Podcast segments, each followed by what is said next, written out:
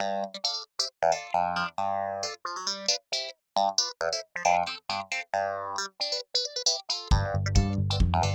you.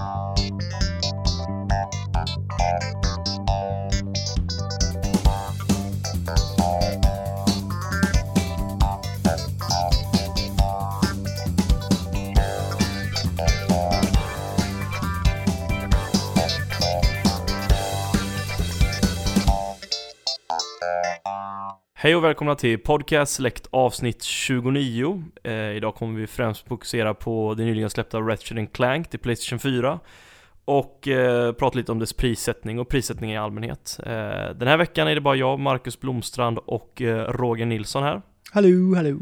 För Sjöland har fokuserat på Destiny och The Division som båda den här veckan fick väl, eller var det förra veckan? De fick någon sån här patch. Mm, det var förra veckan. Det var förra veckan, ah, okej. Men har du, har du kommit så långt att du kan utnyttja contentet i den patchen? För du, du har ju The Division. Ja, nej, jag är level 20 fortfarande. Jag har liksom, jag måste hitta några nya att spela med känner jag, för att alla mina är level 30 redan och det är inte roligt att spela med sådana höglevlare. Alltså, då, ah, okay. det blir inte lika kul för att då kan man inte göra någonting, man kan bara sitta i ett hörn och skrika. För att alla är så jävla överlevlade, alla fiender man möter. Ja, alltså det, Sjöland pratade om det i sin recension nu, när vi pratade om spelet och han sa ju det att det var en av de största problemen med spelet överlag att Spelar du med folk som är level 30 och du är typ 20 så mm, samlar ja, de på typ ja, 25 och sånt där. Jag, jag dör ju av ett skott liksom när jag spelar med dem. Ja. Så, spelar man då en, eh, ett sånt main mission så är det inte så roligt för att man får inte uppleva någonting. Man får bara typ gömma sig hela tiden. Ja, det, det är lite dumt faktiskt. Det ja. borde, de, borde de ha fixat redan nu kan man tycka. Ja, de kunde skalat det i alla fall liksom beroende på vilken server man spelar på. Alltså är det jag som bjuder in så borde det de skalas ner kan man tycka. Mm. Ja, så, jag håller med dig. Mm. Men eh, ja, vi ska ju fokusera på ett helt annat spel, Ratchet Clank som släpptes här i veckan nu. Ja, det släpptes ju redan i USA släpptes det väl den 12 Ja, jag har velat köpa det därifrån digitalt men han har inte hittat några koder, men jag vet att man kan köpa koder från Amazon, liksom, USA-koder. Köpte men... du spelet digitalt nu här i Sverige eller fysiskt? Ja, jag köpte det digitalt.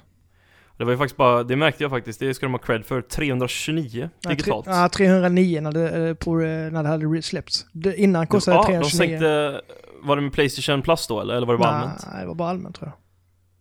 Fan, det är ju, för i butik kostar det 379 som billigast och så är det oftast frakt på 29 så det är ju nästan en hundring billigare digitalt. Ja, jag blir också Det ska de faktiskt, faktiskt. det ska de ha cred för men det det, ja vi kommer ju tillbaka till prissättning senare när vi ska prata lite allmänt om det men eh, Du, vi har ju vi har haft en recension uppe sen Den 12 eller om det var ännu tidigare till och med av spelet. Eh, för att alla fick ju, det märkte vi ju, hela världen fick ju liksom recensionsexemplar i tid till amerikanska releasen. Eh, och det var ju Suominen då som har spelat det för oss och han är ju, han är ju riktigt Ratchet Clank-fan, han växte upp med Playstation-konsolerna och han gillar det ju skarpt, han har ju spelat de här hårda remakes, men det här är ju en reimagining så att uh, mm. Och alltså jag, jag har spelat också, jag vet inte, har du spelat originalen och till och med kanske remaken? Ja, jag har spelat alla tidigare. Märk, nu var det jättelänge sedan jag spelade tvåan, jag har spelat igenom tvåan vet jag. Men uh, är det mycket som skiljer? För att jag, jag alltså saker och, saker och ting känns väldigt familjärt för mig, men det känns ändå väldigt Alltså det, det har alltid varit så med Ratchet Clank för mig, typ att jag vet vad jag får, så att jag vet inte riktigt, har jag upplevt detta eller är det bara något jag förväntar mig att se? Hur, hur nära är det originalet egentligen? För jag, jag har svårt att dra parallellen. Alltså jag har inte heller så här, det var skitlänge sedan också, men jag känner igen vissa scener och sådär, som, alltså nyckelscener som är med.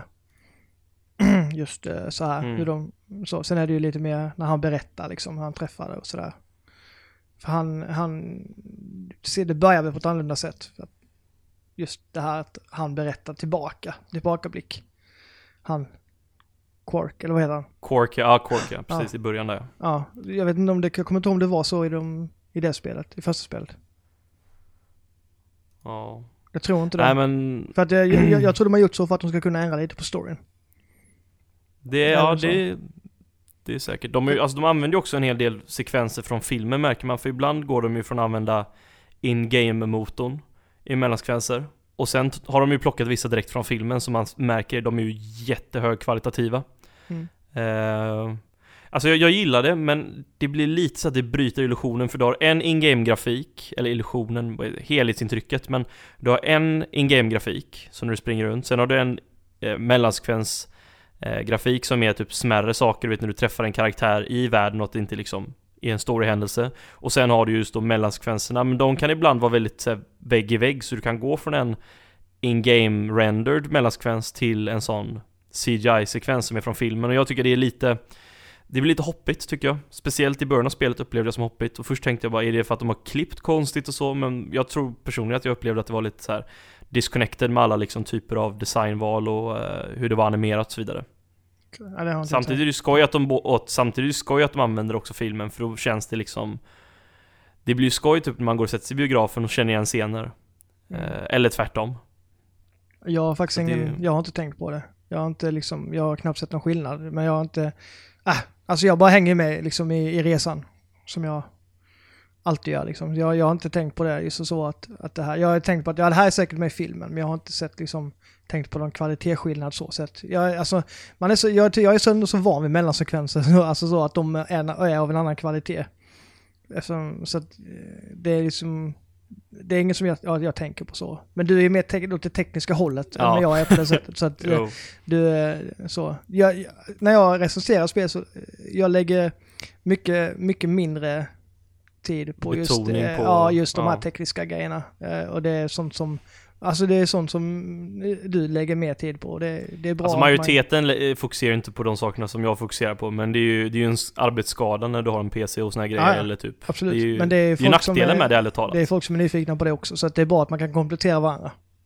Alltså jag tycker spelet är, jag måste säga, jag menar som sagt, jag gillar ju 60 FPS och sådana som spelar på PC också, men ärligt talat, man gjorde helt rätt med att köra på 30 FPS här, för att kameran är ju inte, du vet, det är inte som typ i Gears of War eller Uncharted, man snurrar kameran hela tiden. Utan den är ändå hyfsat fast om du förstår vad jag menar. Ja. Alltså den, den roteras konstant. Den, den är långsam. Precis. Och, och, när den väl snurrar så har du så pass mycket motion blur i själva liksom omgivningen så det det känns inte alls typ, jag, jag, från vad jag har sett på Uncharted 4 också så man, använder man det på ett väldigt snyggt sätt. Medan vissa spel kan kännas lite så här, att, vet, så att det är nästan laggar när man drar bilder, men här känns det väldigt smooth på något sätt. Jag, jag är rätt imponerad faktiskt. Det är lite som Forza Horizon 2. Det var ett spel, jag bara, är det här verkligen 30 FPS? Jag är inte säker mm. riktigt, men, men eh, så att det, de använder sig av en jävligt bra blurteknik och, och hit och dit med filter och grejer för att det, det upplevs som väldigt smooth faktiskt för att vara 30 ja. FPS och det, och det, och, och jag som sagt, de, varför jag just poängterar detta är ju för att många spel var ju 60 FPS på Playstation 3 mm. eh, Och jag, tyck, jag tycker helt, helt klart att man gjorde rätt val med att gå tillbaka till 30 FPS för att det hade inte sett närheten så bra ut om man hade kört 30 Eller 60 menar jag eh, Så där tycker jag man helt klart gjorde rätt eh, Ja, jag har som sagt det också ju, asfint. Det är skitfint verkligen. Jag bara myser i hela världen. Det är liksom, jag, så fort jag startade spel så visste jag att det här är ett sånt spel som jag kommer älska. För jag älskade alla dem, alltså Ratchet Clank, eh, vad heter de andra? Naughty Dogs eh, svar på dem. Naughty Dogs? De hade också ett, en sån eh, duo. Ah, Jack and Dexter. Jack and Dexter, ja. Eh, precis. Också, alltså så, det är sådana fa gamla favoritspel så att, ja, och det är bara härligt att få vara tillbaka där tycker jag. Det, man, det är som att eh, det är lite retro över det faktiskt, tycker jag. Ja men det, det är familjärt och ja. det liksom är mysigt och det, alltså det är ju liksom Playstations Super Mario och man borde verkligen hålla hårt i den karaktären tycker jag för att Alltså det, det är ju inte typiskt, det är inte mer, alltså det är ju mer liksom typ bra, eller inte brawler, men det är ju mer liksom skjuta och slå än vad det är platforming, men det är fortfarande ett Det är fortfarande i, den, i det universumet av 3D-platformers, det är det ju och jag menar, jag tycker inte riktigt att de har Jack and Dexter kommer ju de inte gå tillbaka, det har jag redan, eller jag tror inte de kommer göra det, det skulle ju vara så att en tredjepartsstudio tar upp det men Jag tycker att Ratchet Clank är liksom jäkligt, jäkligt bra och man borde, jag, jag trodde ju nästan att man hade dödat av serien lite i slutet på förra generationen för man manglade väldigt mycket spel och lite såhär spin-off spel mm. Men nu känns det verkligen som, även om det är en reimagining så känns det verkligen som att man är tillbaka och man är väldigt stark, starkt framåt liksom. Jag hoppas vi får ett till spel om två år ungefär. Mm. Eh, för de verkar ju ha tekniken där på plats nu och jag, de spelar ju inte Alltså de är ju inte jättekrävande att göra för du jobbar ändå med en rätt liksom simpel vad ska man säga, det är ju inte ett realistiskt spel i sin grafik och så, så jag kan inte tänka mig att det tar mer än två, tre år om du har liksom grafiken, eller alltså motorn på plats och allting så att Jag hoppas vi får åtminstone ett till innan Playstation 4 går i graven så att eh, Och det, det här, jag, man ska inte, man ska inte liksom jämföra de här med HD-remakes, detta är ingen HD-remake. Alltså det här nej, nej, nej, nej. Alltså, det, är, det, här det är ett av de snyggaste ja. Playstation 4-spelen. Ja, jag tycker det är, alltså så, så att det är ju liksom helt, helt omgjort. Eh, så att det, det är inget, uh, mm, det, det, det märks verkligen. Jag, jag, jag tänkte, alltså inte så att jag klagade på det här med 30 FPS eller så, för det, det är som det är liksom. Men jag, jag gick från Ratchet, Ratchet Clank, detta då, till uh, Gears of War 4-betan. Och det är 60 ja. FPS på den. och där märkte, alltså då lägger man märke till det. Alltså just så att fan. Ja men så är det ju. Ja, det. Men inte för att det gjorde någonting, men jag bara kom att tänka på det nu när du sa det. För jag, jag hoppade mellan de två spelen igår. Och då, eh, då märkte man liksom det här ändå. Vad, vad 60 FPS gör, alltså så, vilka, alltså vad skillnaden är. Alltså det är en fysisk känsla, du hinner uppfatta mer per sekund, så det är mm. det man, man känner det mer. Men som sagt, ibland är det inte rätt val för Nej. att hårdvaran är inte tillräckligt kraftig ibland. Men nu, nu, kan vi ju bara spekulera hur, hur spelet hade sett ut i 60 FPS. Men jag tycker helt klart man gjorde rätt val och då ska, då ska man veta liksom att jag är någon som alltid försöker liksom lägga spel på 60 FPS på datorn och pusha settingsen och sånt där. Så att jag tycker man gjorde helt rätt. Men det är som du säger, även om man inte är sådär 60 FPS fokuserad som du är så märk, klart man märker skillnaden. Och det, alltså det har ju blivit ett vanligare fenomen med 60 FPS på konsol sen Playstation 4 och Xbox One släpptes. Det har det ju blivit. Alltså, alltså jag, jag, märker det mer bara när jag sätter dem sida vid sida så, annars tänker jag inte så mycket på det. Nej, man, man anpassar sig helt enkelt. Vissa spel är känsliga, alltså typ Jag kan tycka att Bloodborne skulle verkligen varit 60 FPS. För att det, där är timing och sånt så viktigt. Men Ratchet Clank, det är så här, Får att se fint ut och löst det med motion blur och det har man gjort bra så jag tycker de... Vi kommer för... säkert få se Bloodborne i 60 FPS nu när nya Playstation kommer. Då köper jag Bloodborne mm. direkt mm. för att det, det, är det sista, alltså jag, jag vill verkligen spela ett spel från de Souls-utvecklarna mm. Och det här känns som det som skulle passa mig bäst, rent artistiskt och hur det spelar och Du sånt kan där. ju spela tvåan i 60 FPS på PS5, det kan du spela om du vill. Är det om det på PC? Ja, då skulle jag köpa det på PC i så fall, men ja, mm. alltså jag, jag funderar på att köpa Dark Souls 3 i alla fall någon gång i framtiden när det är lite billigare, men just Bloodborne vill jag verkligen Vill jag verkligen spela mer än Souls-spelen, så att jag, jag får mm. hoppas att uh, Playstation 4K eller vad det nu ska heta, att den, att den tillåter uh, 60 FPS-uppdateringar och sånt där, och att det ja, händer på en del spel. tror jag. Men skitsamma, det är en annan diskussion, men jag kommer tänka på det nu också när du sa det. Nej, det vore trevligt. Mm. Så att det... Men du, du har spelat ungefär vi har ju inte spelat klart spelen, de släpps ju igår som sagt så att, uh, jag, jag har spelat, jag har kommit till den här staden och du är nyss klar med staden va? Vad är den heter? Typ huvudstaden i universumet känns det som, typ Ken, civilisationen Ken, bor där. Ken, K, K, K, någonting på K, är det inte det? K eller C tror jag det stavas med, men ja. ja. ja jag, jag, jag, jag är typ en och en halv timme in i alla fall. Är jag. En sak som jag tycker är, som jag har glömt av i skoj, det är det att uppgradera vapen och sånt där. Alltså jag älskar verkligen det och just att det finns ett såhär new game plus mode gör mig så jävla glad. Alltså jag älskar när det finns i typ mer linjära spel. För att det gör mig så motiverad. Det är som i typ Last of Us. Då kan du spela om det så kan du dra upp svårighetsgraden eller hålla kvar det på samma men då har du en helt annan flexibilitet så du börjar med en helt annan arsenal eller att när du får vapnen så är de mycket, mycket starkare. Mm. Jag, jag, jag, jag fattar inte varför det inte är med i fler spel, speciellt av den sorten, för ibland är det ju inte det. Mm. Uh, så det, det, tycker jag det ska de ha cred för, för just det upp, man har ju spelat jag tycker det är lite tråkigt att vi, det är väl bara typ en, ett nytt vapen egentligen i spelet. Den här typ, man gör dem till pixlar och så förstör dem. Ja, uh, de har väl fokuserat på de gamla klassikerna om man säger så istället. Och på gott och ont, för jag tycker att det trevliga med det är att jag vet vilka jag vill fokusera på. Um, så att för mig är det liksom så ja ah, men jag älskar den här och jag gillar inte den här typ Combustion, du vet den här vanliga pickadoll-grejen, den mm. tycker inte jag är så mycket att ha för att den brukar jag aldrig använda mot slutet av spelen. Mm. Så jag fokuserar istället på den här vet, som skjuter iväg den här bomben exempelvis, eller flamethrowern, för de är jättebra att ha när man har mycket gubbar omkring sig. Eller att man vill göra mycket skada typ på, en, på ett area liksom. Så att mm. den biten, alltså jag, jag, jag, tycker nästan det är det roligaste, bara att uppgradera och fokusera sina skill trees och så märker man det pang boom direkt i spelet och det går rätt snabbt också. Mm. Så att det, och just att de har New Game Plus kombinerat med det tycker jag, jag det, det, det är bra grejer. Ja. För då, vill jag, då vet jag redan nu att jag kommer minst spela om det här en gång till och det och just det kombinerat med priset gör det liksom mm. ja, De har väl fokuserat mycket på nya eh, yngre publiken som kommer se filmerna också. De kommer köpa detta spelet och då, då spelar det egentligen ingen roll om de har så mycket, vilka vapen de har med. För att de, de, de flesta som köper detta kommer ju vara nya spelare som aldrig har spelat Ratchet Clank innan. Nej, och gör man en uppföljare då, som är liksom standalone, då kanske mm. man kan liksom försöka ja, hitta nya vapen. Man, för man, man, får nästan se detta som ett licens, eh, filmlicensspel på ett sätt. Eftersom det, det kommer ju ja. liksom promota filmen. Uh. Jag tror det är också valet till priset, för att, eh, alltså, sen tycker jag att man inte riktigt har promotat det fullt ut. Jag, jag vet inte riktigt hur man ser det internt på spelet, men Alltså från alla typ news outlets och recensioner och sådär så verkar alla tycka bara det här är skitbra.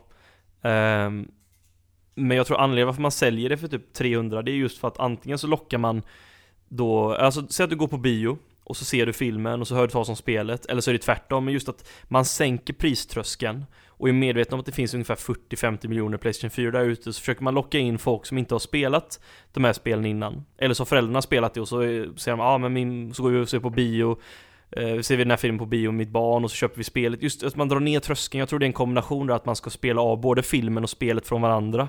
Mm. Och därmed liksom skapa mer försäljning på så sätt. Jag, jag, tror det är anledningen till det för att 300 spänn i Sverige eller 40 dollar, alltså det, är, det är nästan lite väl billigt alltså. Jag, men jag tror det är anledningen till varför just priset ja. är så pass lågt. Ja, för det är ju ett fullprisspel egentligen. Det borde alltså hade någon satt det för 600 spänn så hade ju inte de brytt sig. Eller så, det hade inte varit konstigt egentligen. Nej, inte om man kollar på produktionsvärdet nej, alltså, nej, för nej. det känns ju Det, det är ju inte sämre alltså. än något annat av de stora spelen. Så, eh, det, så att, att det bara ligger på 300 nu, det känns som en stor vinst alltså. Det, så det har nog lite med det att göra, eller ganska mycket med det att göra, just det här promotion-syftet att de kommer dra tillbaka, alltså tjäna in de pengarna. På... Just med tanke på att Playstation 4 går så bra, att det är så många som har en Playstation 4 hemma liksom, och så är det rätt stor chans att Ser du filmen eller tvärtom så spelar de av varandra liksom att ja ah, men vi har spelat spelet, åh oh, vi måste gå och se filmen. Typ så här och så barnen bara pappa pappa kan vi gå och se filmen? Och så Eller tvärtom, alltså det jag, jag tror det ligger väldigt mycket bakom prissättningen.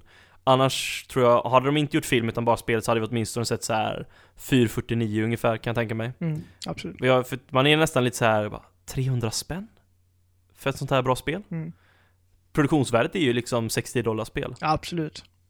Jag hade köpt det för det priset kan jag säga. Jag hade också köpt mm. det, men det här gör ju att det finns ingen anledning att sitta och vänta på typ en eh, jag menar vissa av ekonomiska skäl att man, att man känner att nej, men jag behöver inte spela just nu men alltså det är ju så billigt så man behöver inte sitta och vänta på att det ska gå på summer sale eller winter sale eller något sånt där utan det, det är liksom good bang för buck redan nu. Jag menar visst vi har inte spelat klart det men vi vet vad vi får och vi vet hur långt det är, vi har spelat det innan och mm. vi har ju en recension så att jag menar man men, men, det är faktiskt bättre än vad jag trodde att jag skulle tycka. Uh, ja, jag är ju tycker det är skit. Jag skulle nog säga att, som sagt, visst jag inte kom, jag har bara två timmar in, men jag har ändå spelat innan, men så jag vet vad jag kommer få och eh, hittills är det nog min favorit tillsammans med Unravel mm. i år. Ja. Jag har inte hunnit köra Quantum Break ännu, men jag har, sitter på en kod som jag har reggat så att det... Mm. Ja, jag, att, jag vet att jag kommer älska detta. Jag älskar de förra spelen och just den här genren är ju eh, min favoritgenre så sett. Just de här. Är det plattformsspel? Ja, det är alldeles ja. för få där alltså. Ja, så att... Eh, Yooka-Laylee, usch. Ja, jag, jag, vet att jag kommer älska detta. Det, det är inget, ingen tvekan om det. Faktiskt. Nej, nej men det, det känns, jag hoppas de åtminstone klämmer ut ett till spel för genren, eller för Ratchet Clank innan. Och då ett nytt spel vore skoj med lite mer, en ny, helt ny handling liksom och många nya vapen. Det är väl vad jag skulle säga primärt, många nya vapen. För även om det är skoj att man känner igen många och vet vad man vill fokusera på så så är det väl en av spelets svag, svaga sidor att man inte kanske har slängt in två, tre extra vapen. Mm. Men som ja, sagt. Kommer det en uppföljare på filmen så får vi säkert en uppföljare på spelet också, så är det ju. Dock sänds inte filmen på svenska biografer va? För jag hittade inget på SF om den. Den där. För jag tänkte jag bara, ah den här vill gå och se på IMAX Scandinavia, för att jag bor ju 20 minuter från den. Men, uh, nej, jag hittade ingen information alls på SF så att... Nej. Lite tråkigt. Det kanske finns, eh, ja, jag vet inte, andra biografer, så mindre som kör den i Sverige men kan tänka mig att det är väldigt mycket på den amerikanska marknaden de kör den. Och kanske Storbritannien. Men, eh, ja vi får ju World of Warcraft-filmen till sommaren, får vi se hur bra den blir men Ja. På spelfilmer. Ja, men det är säkert folk som gillar den också. Ja, jag kommer se Warcraft-filmen. Bara mm. för att jag har spelat World of Warcraft men... Ja, jag har inte spelat dem så att jag inte... Alltså jag, jag ser, jag har inte ens sett nya Star Wars än, så jag får kolla på den först. Har du inte gjort det alltså? Nej, den släpps ju imorgon på uh, hyrfilm, så jag tänkte jag skulle hyra den imorgon. Ja, du hyr den på Blu-ray och stoppar in den i PS4 då helt enkelt? Ja, absolut. Eller så streamar jag den. Finns alltså, det vissa som streamar den alltså? Ja, alltså man kan ju, man kan ju ta den antingen från, om man har, vill hyra den från Viaplay kan man göra det, eller kan man ju ta den ja, från... Ja, Viaplay gjorde ju reklam för den, såg jag. Från äh, mm. Apple kan man också, alltså, aj, aj, vad heter det? Massa hyrstore typ. Ja, precis. Så vi får väl se vad ja, det blir. Ja. Det är risk att man inte kan få tag på den och hyra imorgon, för det är många som vill hyra den. Ja. Ja, det kommer ju en till Starstream snart också, så det är mycket mycket mm. gamla saker som kommer tillbaka och det gör det på ett bra sätt tycker jag. Ja. Inte bara Ratchet Clank. Alltså, nu med tanke på att Russian Clank är så jäkla bra, alltså jag vill Jag vill verkligen se Crash tillbaka igen, även om det, det har gått väldigt länge sedan dess Men vad, vad, känner du om Crash? Alltså, det har ju hintats hit och dit och Activision sitter ju egentligen bara på brandet men de gör ju ingenting med det Um, tror du att det finns någon, tror att det finns chans för att det kommer tillbaka och vill du se det tillbaka? Jag hoppas det, för det är ju mina favoritspel eh, eh på Playstation 1. Mm. Ratchet, eller Crash Bandicoot-spelen. Jag spelar dem nu på PS Vitan. Uh, faktiskt. Uh, jag skulle vilja ha ett, uh, ett Crash Bandicoot i samma stil som de, alltså så. Att man ser det. Det var, ju så, det var en speciell stil på de spelen. Det var som att man sprang på en rund boll ungefär. Det är så endless runner liksom. Ja, men det var, det, var som en, det var som en glob som roterade, eller som snurrade när man sprang. Och det var en cool mm. vinkel och sådär. Sen var det lite sidoskålat ibland. Det var en bra blandning där. Gör ett, ett sånt, exakt likadant sånt, fast i eh, snyggare grafik. Så hade jag varit nöjd. Då hade jag, jag hade spelat det. Jag, jag, du vill inte ha ett Ja, fortsätt. Nej, jag vill inte ha något eh, mer upp. Jag vill inte ha något Banjo Kazooie liknande så. Utan, du vill inte det? Nej, det vill jag inte. Uh. Nej, jag, jag, vill att det ska vara så med den grafikstilen. Uh, och sen en 300 kronors uh, prislapp på det så. Då har ni mig. Ja, du är lite mer purist där, att du vill ha lite samma, att de håller kvar sin Ja, men det, det, det, det är så speciell, alltså det är det som kännetecknar Crash Bandicoot ganska väl tycker jag. Just det, eh, vinkeln man spelar från. För det är, jag, jag kan inte komma på något annat spel som spelas likadant som det. Alltså på det alltså, sättet. det var väl ingen grafisk limitation att göra det i mer öppen, jag menar de hade ju spel som Spyro och sånt där så ja, det var men det var ju snyggt, liksom, alltså det här, det, Crash ser ju skitbra ut fortfarande. Så länge du eh. skalar upp det liksom, eller köper en liten skärm liksom. Ja men jag, alltså hade jag spelat det på PS1 så hade jag nog tyckt det var likadant. För att just att det inte kanske inte så skarp grafik, men just det här designen och hur det, alltså så, hur, hur, alltså just vinkeln gör att man, man, man behöver inte ha så mycket runt omkring. För man, ser, man fokuserar på mitt, mittpartiet av just vad det är man gör. Vilket gör Nej, och så behöver du inte rendera så mycket heller så Nej. att du kan kräma på rätt bra också i relation ja, till konsolens Och sen är det Naughty Dog också, de är ganska duktiga på det där tekniska. Mm. Så att, eh, Men eh, Jack and Dexter då? Är det något som du vill se tillbaka igen eller? Nej, jag, jag, är glad att, de, att eh, det är Ratchet Clank faktiskt som fokuseras ja. på. För att jag hade inte samma jag vet inte, Jack and Daxter kändes inte... Nej, det kändes inte lika, de kändes inte lika bra karaktärer tycker jag inte. Jag tyckte det kändes som typ en piratkopia typ på Ratchet Clank, eller sånt där. Det kändes lite typ så här. Jag vet inte, det var något med karaktärsdesignen och allting som kändes bara lite off tyckte jag. Ja, jo, men um, så är det, jag håller med. Den, de, de, de fastnade inte riktigt. I, de var lite för, lite anonyma på något sätt, tycker jag. Ja, jo det är sant. Cork och Ratchet, eller de är ju riktiga såna här liksom, lovable characters. Ja, de är ju de är ikoniska. Ja, jag gillar alltså Cork är en sån här, men det är någonting med humorn som jag har tänkt på nu när jag började spelet och det är ju att det är lite såhär Pixars humor om, man ska, om du förstår vad jag menar, att, att barnet kan sitta och skoj, speciellt med typ Cork och liknande. Uh, för att han är liksom såhär simpel, så dum humor. Mm. Medans det är en del så här humoristiska moment där, där det är saker som bara vuxna förstår och kan uppskatta. Uh, det är typ som i början, det är någon så här, han lämnar en intercom-grej typ, han så Bara de försöker döda mig. Så här, bara ring min publicist och ring han. Bara Vänta nej nej nej, ring någon som bryr sig om mig liksom. Och, och det är liksom små saker som, som barn, vad, vad är en publicist typ när du är sex bast? Du vet ju inte det. Men som vuxen kan man liksom så här chuckle och tycka att det är lite roligt. Och jag Nu har sagt, jag har inte spelat klart spelet men jag kan tänka mig att det innehåller en hel del sånt och även ja. filmen då. Ja, jag har suttit och småskrattat för mig själv redan nu. Eh, Just. Ja. det händer, alltså så, de, de är, det är sån witty, witty humor liksom som, eh, så Precis som Pixar-filmerna. Och det är sånt jag tycker är skitroligt. Ja, men just att den är så dubbel, den är som två filer av humor liksom. En som barnen uppskattar och som, jag menar, man kan ju som vuxen också uppskatta humorn. Jag menar, Cork är ju lite så här, Han är ju lite så mer lättillgänglig att förstå om man är lite yngre, men så man kan ju också garva som vuxen åt han. Nej. Men just att de har en, så här, en separat fil för vuxna med mm. skämt liksom. Mm. Det är typ som, jag brukar alltid referera till um, uh, Finding Nemo-filmen. Mm. När de har uh, hajarna. Du vet såhär, fish are, fish are not food, fish are friends, typ såhär, och ser ut som anonyma alkoholister. Ja.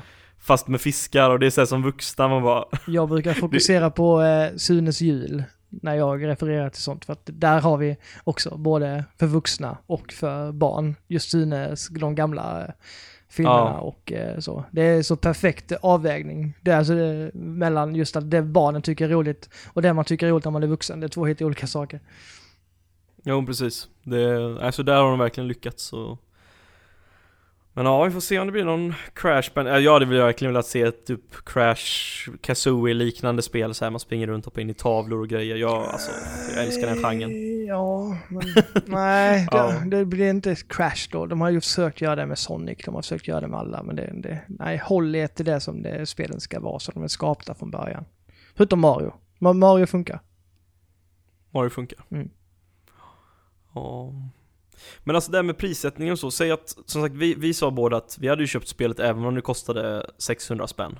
Mm. Uh, just för att vi, vi vet vad vi får också, men Alltså när det kommer till pris, hur, hur värderar du spel, alltså det, eh, det finns ju många som kör den här kronor per timma liksom och så säger man ja ah, men det här spelet ger mig 100 timmar content eh, för 600 spänn vilket är liksom det är hur mycket som helst. Typ Persona 4 spelar jag nu. Det håller ju liksom i månader nästan.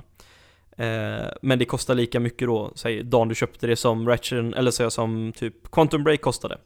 Men Quantum Break håller i 6 timmar eller kanske 8 timmar. Hur är det, hur ser du på spel när du sätter ner liksom? Är det timmar liksom per krona? Är det något du ens väger in eller, eller har du mer att göra kanske med replayability eller story? Vad, hur, hur, hur, vad värderar du liksom i spel när du ska fläska fram plånboken liksom? Jag värderar ju inte timmar i alla fall, för att eh, jag menar 100 timmars spel. Jag, jag lovar att jag inte kommer tycka att de 100 timmarna är roliga rakt igenom. Det är inte en chans. Nej. Utan jag, jag, jag, är, jag är sån kvalitet. Alltså det ska vara, ja. alltså det, några av mina favoritspel, de är runt 3-5 timmar långa liksom. Det, ja, helt, oh, det, det är samma ja, faktiskt. Det är liksom inte, jag, jag, jag kan förstå folk som så här, inte har så mycket pengar och kanske väljer, alltså så, och vill ha något att spela länge.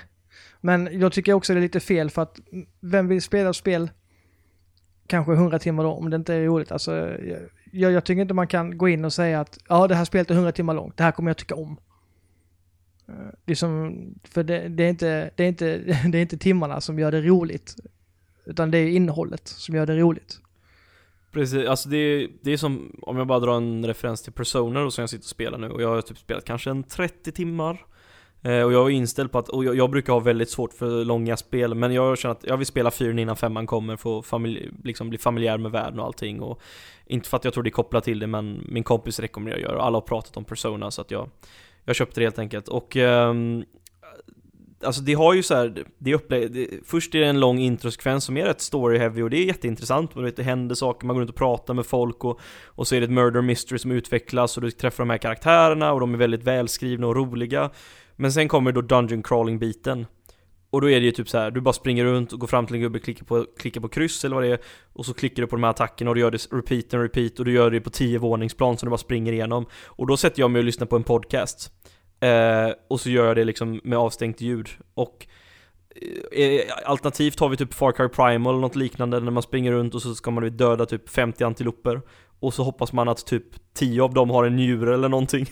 Mm. jag tycker jag älskar sånt i spel, typ när du ska typ samla på något objekt och så, så typ ett hjärta och så vissa har inte det.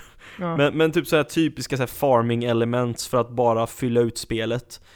Eh, I Persona förstår jag att de har den biten men för att där är det lite mer uppdelat, men jag, alltså jag håller med dig, alltså bara, bara för att det är längre och finns mer timmar i spelet Så betyder det inte alls att det är ett bättre spel, alltså det jag, alltså som sagt, alltså är man yngre och har en, har en mer limiterad budget så köper jag det helt och hållet att man vill ha något att spela och komma tillbaks till varje dag mm. För vissa, vissa, vissa gillar ju inte att spela om spel helt enkelt uh, Jag älskar dock att spela om spel, även linjära och storybaserade mm. Så att, säg typ Ratchet Clank, jag menar just bara att jag såg, ah, New Game Plus och just det uppgraderingsgrejen och samla på det Det får mig att veta att ah, jag kommer nog spela det två gånger och då kommer jag säkert klocka in på 20-30 timmar för bara 300 spänn ja.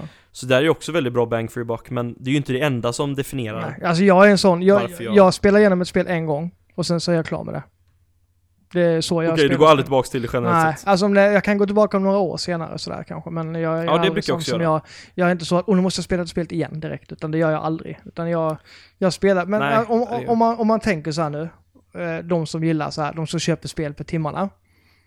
Typ Skyrim ja. och Persona och liknande. Och han säger att de spelen, eh, de får kosta 600 spänn.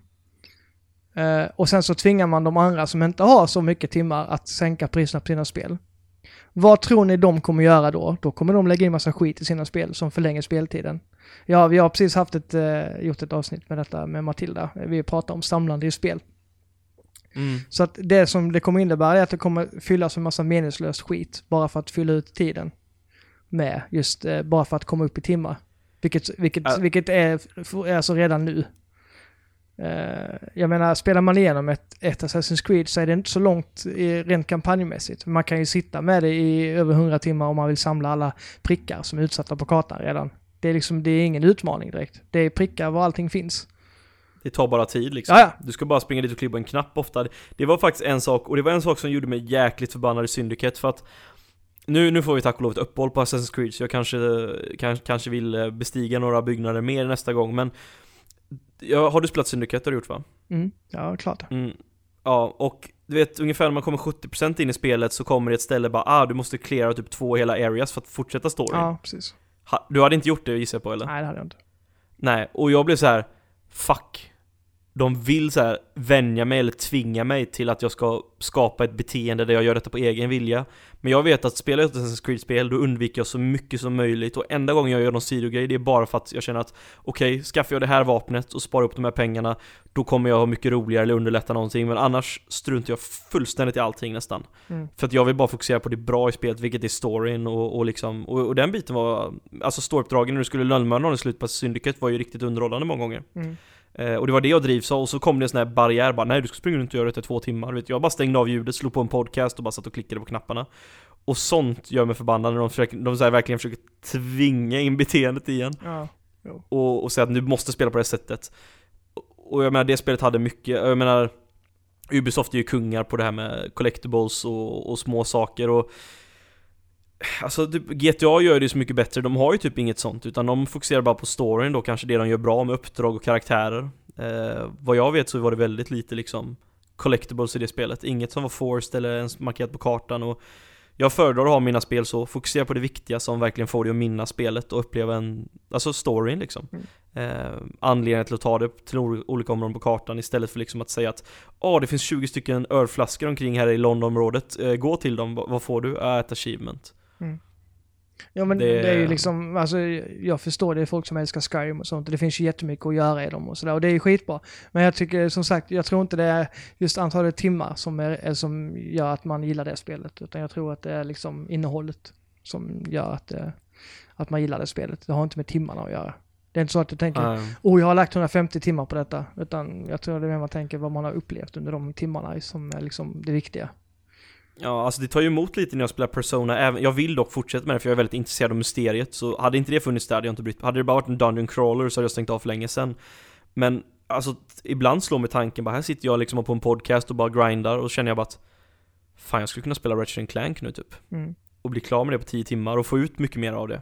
Och det är lite så, alltså när man blir vuxen och har lite mer saker att tänka på än när man, än att typ göra en eller två läxor i veckan och gå på högstadiet Då, då blir det ju mycket mer avvägningar tycker jag också Mm. För att det är ett projekt att liksom spela Persona för mig eh, Jag började med det i mars liksom och det är in på april nu och jag har bara spelat 30 timmar Mm. Bara och bara, men jag menar, Men det, och ibland orkar man det inte, finns ju liksom spel som gör, alltså jag menar, jag, jag höll Alien Isolation som årets bästa spel 2014. Men det var lite långt, det var 20 timmar. Och ett spel, Jag tänkte faktiskt ta upp det Mm, spelet, ett- jag vet att ett, ett spel som Ja. eh, Alien Isolation som har en story och man fö- följer. Man behöver liksom inte fylla ut det med, det hade, man hade kunnat ta bort fem timmar av det känner jag. Så hade det liksom varit perfekt speltid.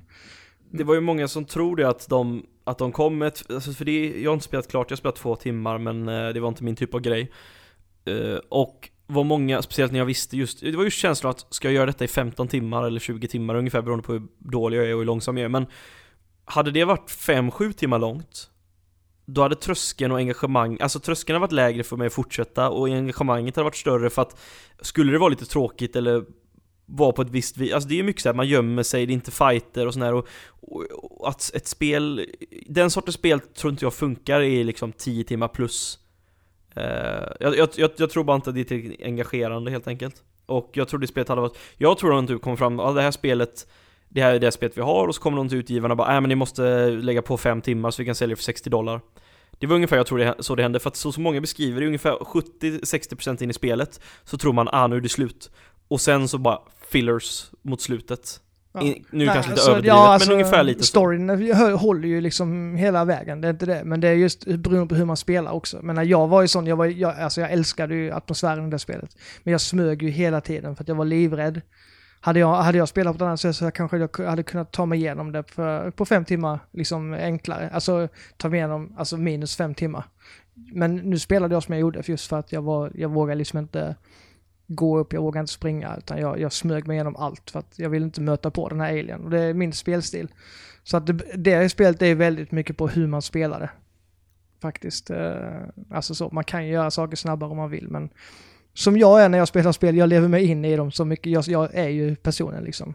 Och eh, jag hade ju inte börjat springa runt och göra saker som jag inte borde göra när jag har en stor fet alien i, i asen liksom.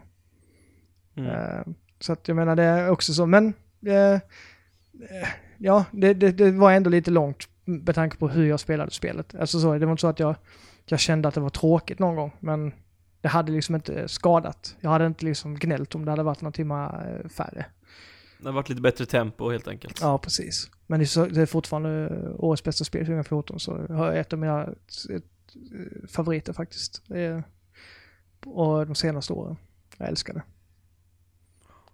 Ja, ja. Ja, nej men det, ja, alltså det Jag har varit inne i ett träsk väldigt länge när jag har varit väldigt så restriktiv med hur jag lägger mina timmar men Till slut blir det lite så här jobbigt för att, alltså Många av spelen går till att bli större, alltså open world, jag menar Mirror's Edge blir open world nu eh, det, det var en, alltså det, nu, nu glömmer jag av det, men det finns fler exempel där man ser att genrer som inte varit open world innan blir pseudo, pseudo open world eller open world-spel just för att Det är lite trendigt alltså, det är lite av en Ja det är, en, det är en trend liksom i spelvärlden och det blev det ungefär med de nya konsolerna att Många gick open world och att det var liksom Det var liksom framtiden och att Att formulan open world är the holy grail nästan lite. Vilket jag inte gillar, jag hoppas det bör dö ut lite. Men samtidigt ska man veta att Innan sådana trender förändras, det tar ju ungefär tre år att utveckla ett spel så att eh, Jag tror det krävs, det, typ säg att, att Assassin's, Assassin's Creed sålde det dåligt syndiket Tyvärr, för att det var ju mycket bättre än, än ehm, än vad heter det, eh, spelet dessförinnan, Unity. Är för att de mjölkade skiten ur det ju. Det är, där, det är deras eget fel. Eller Ja, Ubisofts men, fel. ja, och sen förra året så märkte man att det var ändå en hel del som sa liksom att oh, jag har open world fatigue.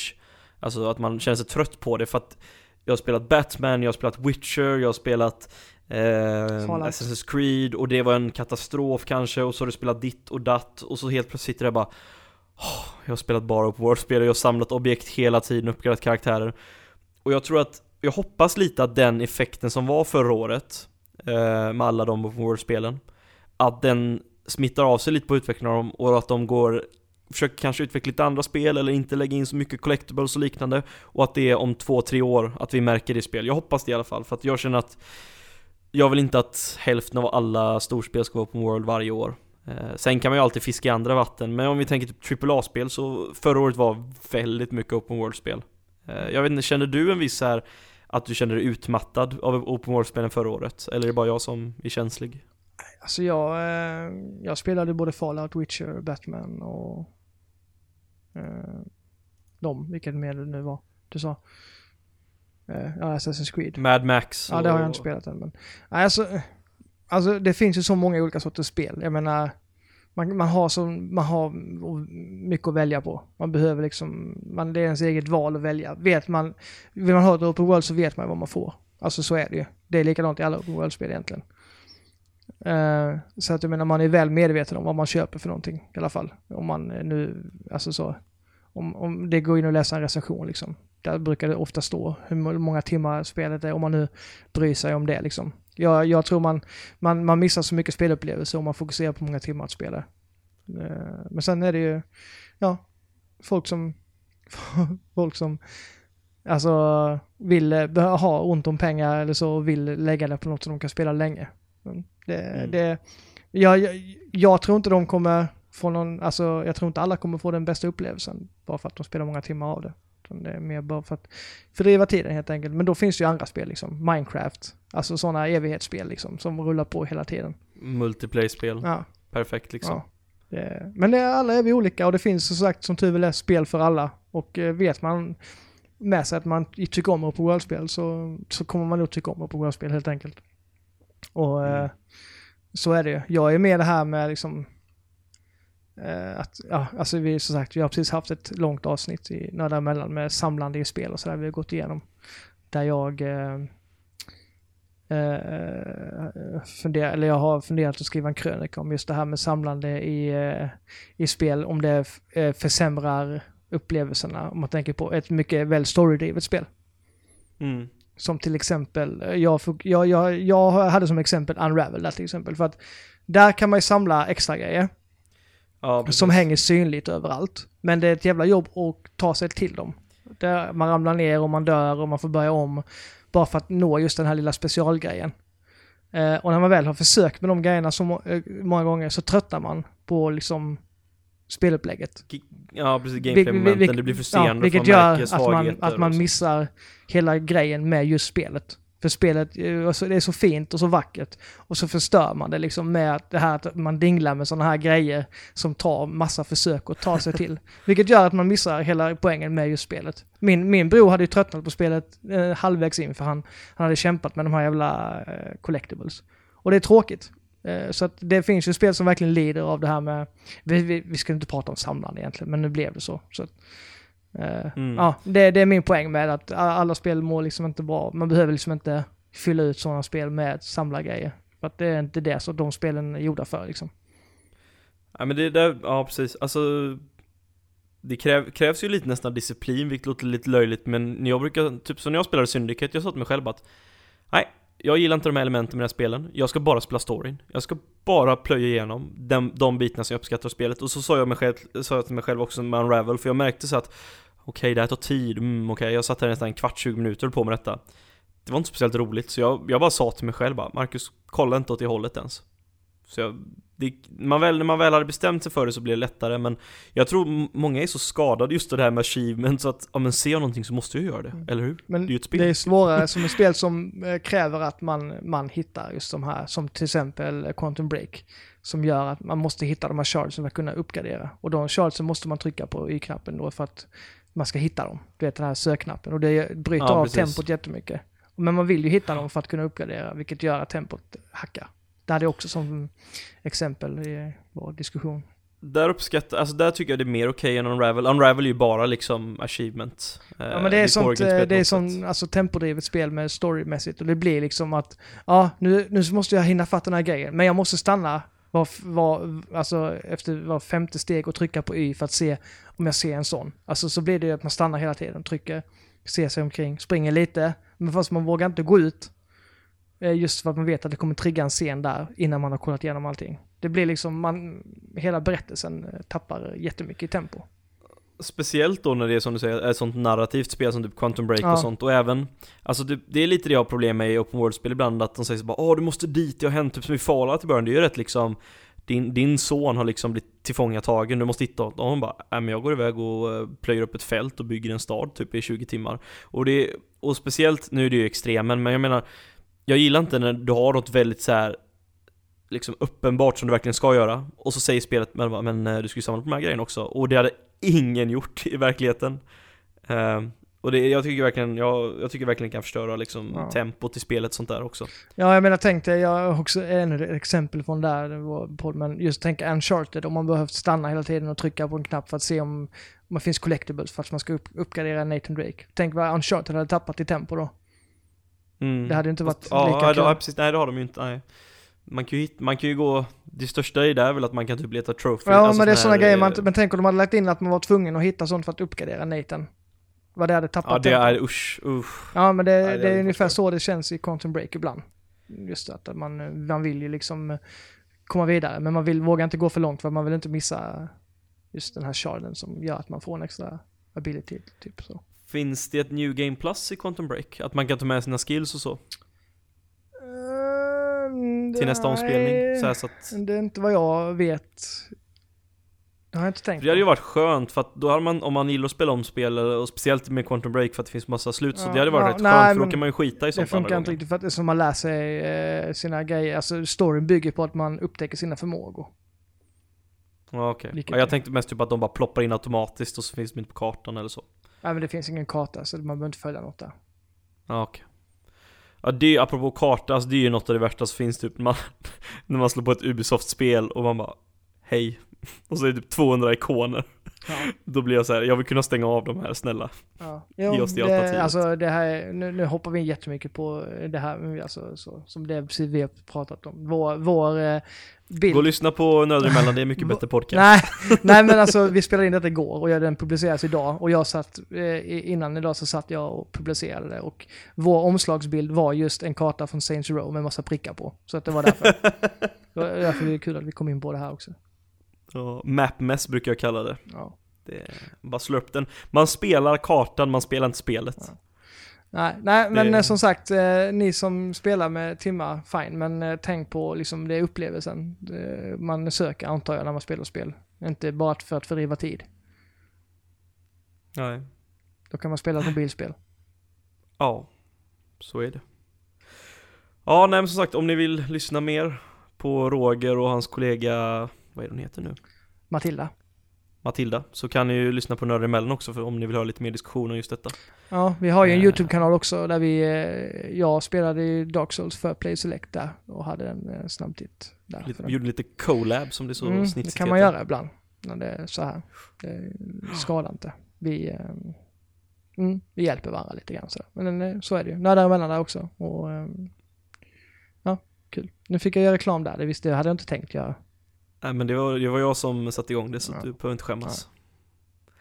Bra, nej men det var väl veckans avsnitt, det är inte så mycket att snacka om när, för det är väl Sjöland sitter väl och, han sitter ju, han, han vill ju snacka om sina spel men Det kändes lite så här, det är inte så mycket diskussionsunderlag och dra typ allt som är nytt, nytt i patchar och sånt där så att det Jag vill gå och spela Ratchet Clank så det är bra om vi avbryter nu. Faktiskt, ja Jag vill också avbryta nu och gå och spela Ratchet Clank så att vi, vi Vi tackar för den här gången och så hörs vi om eh, två veckor helt enkelt Det gör vi. Och då blir det Uncharted, är det Uncharted-dags då va? Sjukt ju. Nej, det är, fem, det är nästan Uncharted-dags. Ja. Det är den femte, det är den sjätte maj. Det är inte Uncharted-dags kanske, men det är något, något blir det i alla fall. Det närmar sig. Det närmar sig. Åh, herregud alltså. Mm. Alltså, play, fatta vilken Ratchet Clank och Uncharted alltså. Åh, Mm. det, det jag lovar att det kommer bli mina två typ exklusiva Playstation 4-spel hittills. Ja, vi får Ratchet se. Clank är det i alla fall hittills. Så det, Mm. ja, det blir spännande. Ja, det blir det. Ja, ha det bra. Hej! Hej.